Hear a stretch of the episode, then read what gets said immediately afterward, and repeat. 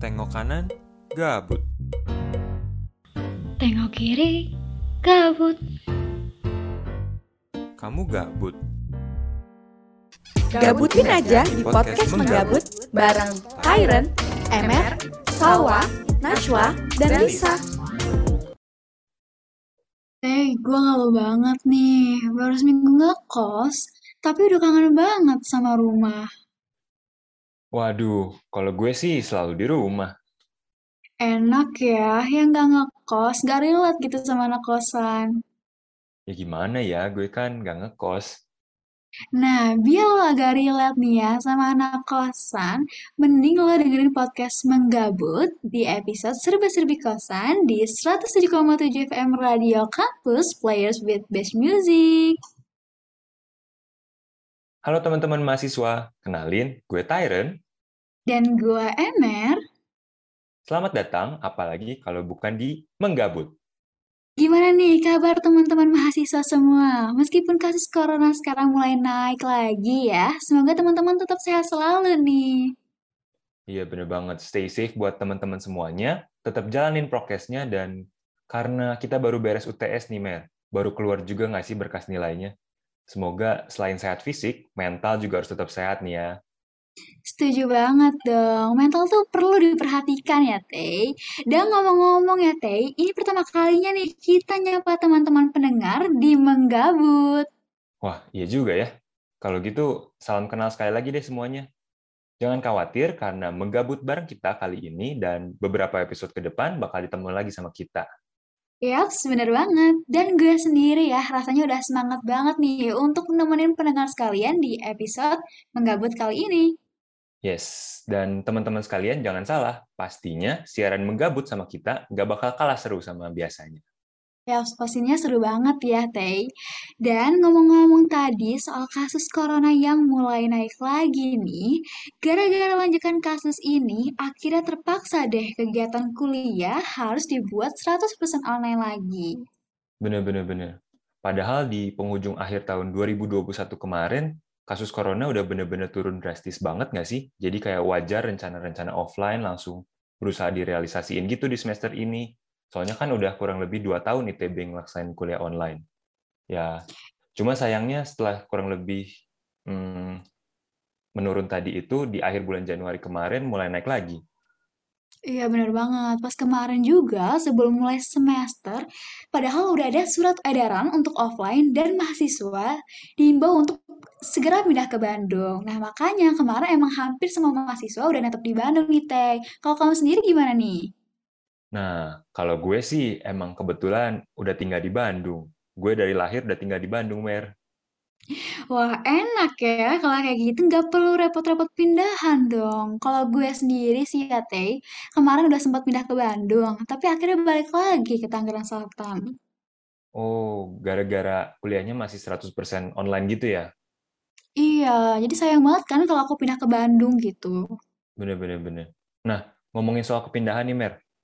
Sesuai tema kita hari ini nih. Di episode kali ini kita bakal ngobrolin apa aja sih, Mer?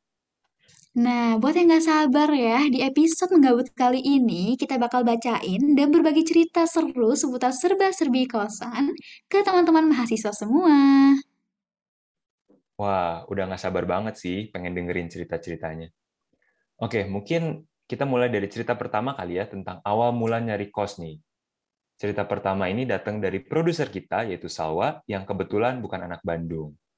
Gue bacain ya, Mer, ceritanya. Boleh, boleh. Jadi ceritanya gue lagi nyari kos-kosan di daerah Cisitu. Gue nyari kosan sambil nanya warga sekitar dan katanya banyak kos-kosan di dalam gang.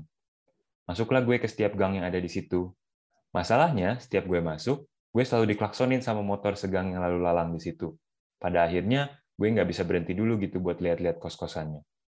Nggak sampai di situ, gue baru sadar. Ternyata gangnya memang kecil banget dan cuma muat untuk satu mobil. Akhirnya gue muter-muter buat keluar sambil diklaksonin sama motor-motor tadi. Setelah pencarian selama beberapa lama, gue pun akhirnya dapet kosan. Cuman kan waktu itu masih online dan gue cuma ngetek gitu, baru ngasih tahu ke ibu kosnya dan masih kembali tinggal di Jakarta. Beberapa bulan kemudian, ibu kosnya ngabarin ke gue kalau ternyata kos-kosannya harus dibayar kalau mau lanjut, meskipun belum gue tempatin kos-kosannya. Waktu itu sih masih semester 1 dan ITB belum ada nunjukin rencana offline buat kuliah sama sekali. Otomatis sayang dong kalau gue bayar kosnya, tapi nggak tahu kapan ditempatinnya. Pada akhirnya gue memutuskan untuk ngelepas kosan yang udah susah payah dicari waktu itu sampai diklakson-klaksonin motor-motor segang. Wah, Mer, sampai segitunya ya berarti perjuangan cari kos kayaknya memang gak gampang deh. Kalau lo sendiri gimana Mer kemarin waktu nyari kos? Iya dong, pastinya nggak gampang nyari kos tuh. Nah, kalau aku sendiri sih ya, ingat banget nih, aku nyari kos sampai tiga kali bolak-balik Bandung, Tangerang Selatan. Wow. Nah, ingat, mm Yang pertama, aku ingat dapat info kos dari temen, dan Aku nyampe Bandung tuh malam sayangnya. Jadi ketika aku uh, survei ke kosan temen aku dan nggak cocok, aku nggak bisa nyari kosan lagi karena udah malam. Hmm, Dan hmm, karena hmm. udah malam juga, jadi aku memutuskan un- untuk balik lagi ke Tangerang Selatan. Dan selanjutnya di hari kedua pas aku balik ke Bandung lagi, aku sampai muterin Plesiran, Kisitu, Kebun Bibit, dan masih banyak lainnya. Sampai inget banget nih Teh, aku 13 kali muterin kebun binatang yang deket ITB itu. Wah, 13 kali. Iya, sampai bosen gitu ya. Sampai apa dong, Mer? Lihatnya itu-itu lagi jalannya. Wah, emang perjuangan sih ya, bener. Kayak usaha nyari kos yang nyaman dan pas tuh agak susah kayaknya untuk untuk kebanyakan orang gitu ya. Soalnya beberapa temen gue juga kemarin kayak cerita ke gue, mereka baru berhasil nemuin kos yang pas setelah beberapa kali pindah gitu. Baru satu semester tapi udah tiga kali pindah kosan. Iya, bener banget. Dan gue inget juga ya, terakhir kali pas gue dapet kosan, itu di ketiga kali gue datang ke Bandung, dan itu langsung gue dapet kosan yang nyaman dan cocok sama gue. Jadi emang nih ya, banyak banget yang perlu dipertimbangin, kayak tempat makan, transport ke kampusnya kayak gimana, karena aku juga kan tipe yang nggak bawa kendaraan nih, Teh. Hmm, bener-bener bener. Jadi ada yang harus dipertimbangin, bukan hanya tempat eh, tinggalnya aja, tapi juga lokasi dan daerah-daerah sekitarnya gitu ya, Mir. Mm-mm, bener banget. Hmm, by the way, tadi lu nyebut tempat makan nih. Tempat makan yang biasanya dicari dan paling favorit untuk anak kos tuh kayak gimana sih, Mer?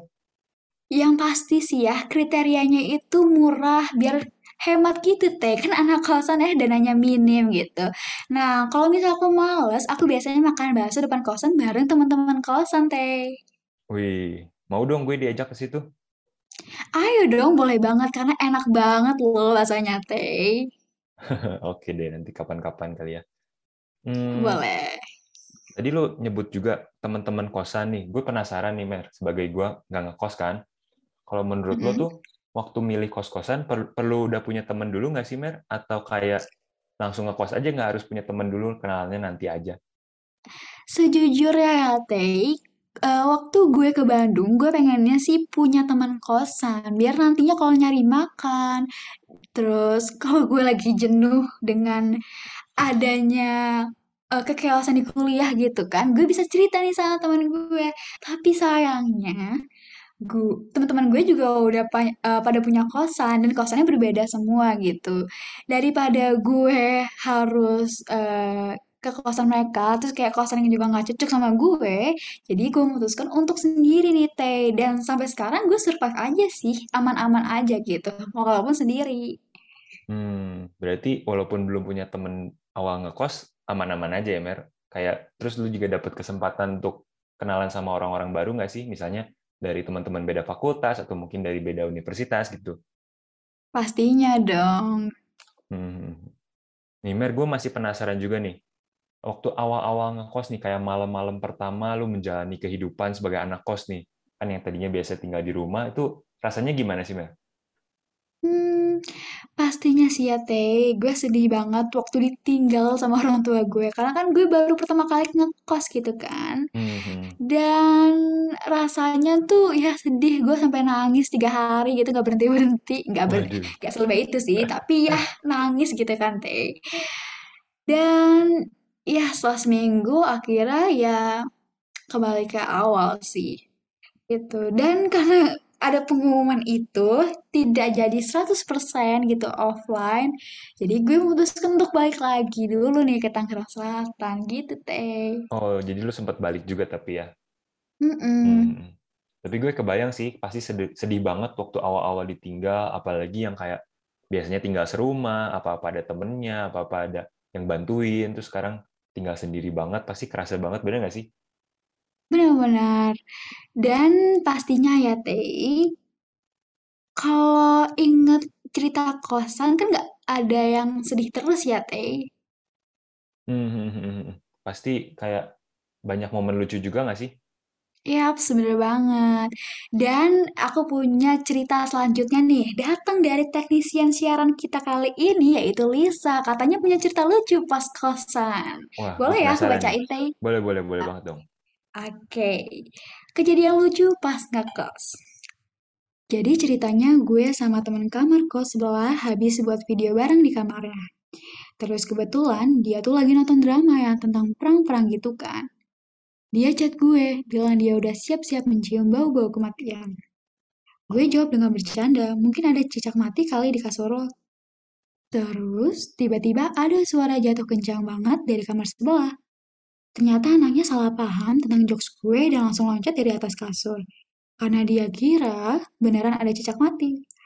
Masalahnya, pas dia loncat, dia tuh kepleset dan jatuh ke atas lantai dari kasurnya. Pas gue samperin, kita ketawa bareng sampai bahkan teman yang kamarnya di bawah kamar kita ngechat nanya ada yang jatuh atau apa sih. Sampai kamar sebelah lagi juga nyamperin ada apa. Malu banget rasanya jawabin orang-orang kalau ini salah paham dan ada orang jatuh dari kasur. Wow. Ya ampun, itu kayaknya sakitnya nggak seberapa nggak sih? Cuman malunya itu loh, apalagi sampai ditanyain orang-orang. Iya lucu banget nih si Lisa ya, ternyata iseng banget sama temen-temennya. Aduh. Eh, by the way, Mer, sekarang di semester 2 ini kan udah ada beberapa kegiatan offline nggak sih? Kalau fakultas lo gimana? Ceritain dong. Fakultas gue kan Fakultas Teknologi Industri ya, Teh. Dan Mhm. untungnya kemarin sih sempat ngerasain kegiatan offline walaupun cuman praktikum gitu kan. Karena baru dibilang nih pas kita eh, pindah ke Bandung, kuliah 100% online gitu kan. Beda sama fakultas lain yang eh, ada Beberapa pemberitahuannya gitu gitu. ya. Mm-mm, gitu. Jadi kita memang tidak pernah merasakan kegiatan kuliah offline gitu, Teh. Eh, dan mungkin ada beberapa kepanitiaan juga yang men- menyelenggarakan offline sih. Jadi ya better lah ya. Paling praktikum Mhm. sama kepanitiaan doang sih aku. Bener-bener. Kurang lebih fakultas gue juga sama sih, Mer. Kayak cuman ada praktikumnya doang yang offline karena kelas sama kita masih 100% online gitu. Cuman yang beda mungkin fakultas gue kemarin sempat ada tes mata kuliah olahraga offline gitu, lari 2,4 km di Saraga. Waduh, Wow, gue capek nih ya, sebagai Teh. bener-bener bener. udah dua tahun kan kurang lebih kuliahnya online, sekolah kemarin SMA online, tiap hari cuma lihat layar, nggak pernah gerak gitu, jarang beraktivitas. Wah, kerasa banget capeknya kemarin. Ya pastinya dong. Kan setiap dua, dua tahun ini ya kita tuh cuma mantengin layar online. Pasti rebahan terus gitu kan. Terus tiba-tiba disuruh olahraga offline dan lari 2,4 kilo. Wow, keren banget sih, Teh. Aduh, capek deh tapi. Iya, kalau aku kan dulu semester 1 ya, jadi aku masih online dan paling buat video-video doang sih, Teh. Nggak Oh sampai iya. untuk lari gitu. Mhm. Tapi Mer, walaupun kita cuman offline-nya cuman kayak praktikum doang, atau gue cuman olahraga doang, tapi kerasa beda banget nggak sih? Kuliah yang tadinya full banget online, tapi sekarang ada setidaknya kegiatan-kegiatan sedikit-sedikit deh ke kampus gitu. Kerasa banget nggak sih bedanya? Kerasa banget dong. Kelihatan lebih kuliah vibes banget kalau misalnya offline, Teh. Kalau di rumah kan kayak ya udah kita dengerin dosen doang. Terus ngantuk-ngantuk juga nggak diperhatiin bener. gitu, Teh. Meskipun belum ada kelas baru praktikum, semoga bisa segera ada kelas offline ya. Amin, amin. Semoga di semester selanjutnya kita bisa ngerasain nih kelas offline biar gak di rumah terus-terusan gitu, Teh. Bener, setuju. Aduh, seru-seru Ah, dan lucu-lucu mm-mm. banget ya semua cerita-cerita hari ini. Nambah pengalaman juga buat gue yang nggak ngekos gitu. Dan kayak ngasih pembelajaran juga nggak sih ke kita gimana ceritanya dan cara-caranya hidup mandiri waktu kita jadi orang dewasa ke depannya, Mer. Ya, bener banget. Dengan kita ngekos juga, kita tuh belajar hidup mandiri sih ya, Teh. Karena kan semua serba sendiri gitu. Dan walaupun banyak sedih eh, sedih, tapi ada serunya juga dong kalau ngekos. Dan semua itu nantinya ya Teh, bakal jadi pembelajaran buat kita ke depannya juga nih Teh. Bener-bener. bener. Dan buat yang dengerin ini sambil di kosan, jangan sedih-sedih, jangan takut-takut. Semua mahasiswa baru yang baru belajar ngekos juga ngerasain hal yang sama kok. Yap, bener banget. Dan intinya semua bakal baik-baik aja kok teman-teman mahasiswa. Jalani aja gitu. Aduh, dengerin semua cerita tadi dan barusan dapet kata-kata semangat dari lo, gue jadi pengen ngerasain ngekos nih, Mel. Aduh, boleh kali ya ngekos gitu sebulan. Ngerasain gitu, Teh, biar hawa-hawa anak kos.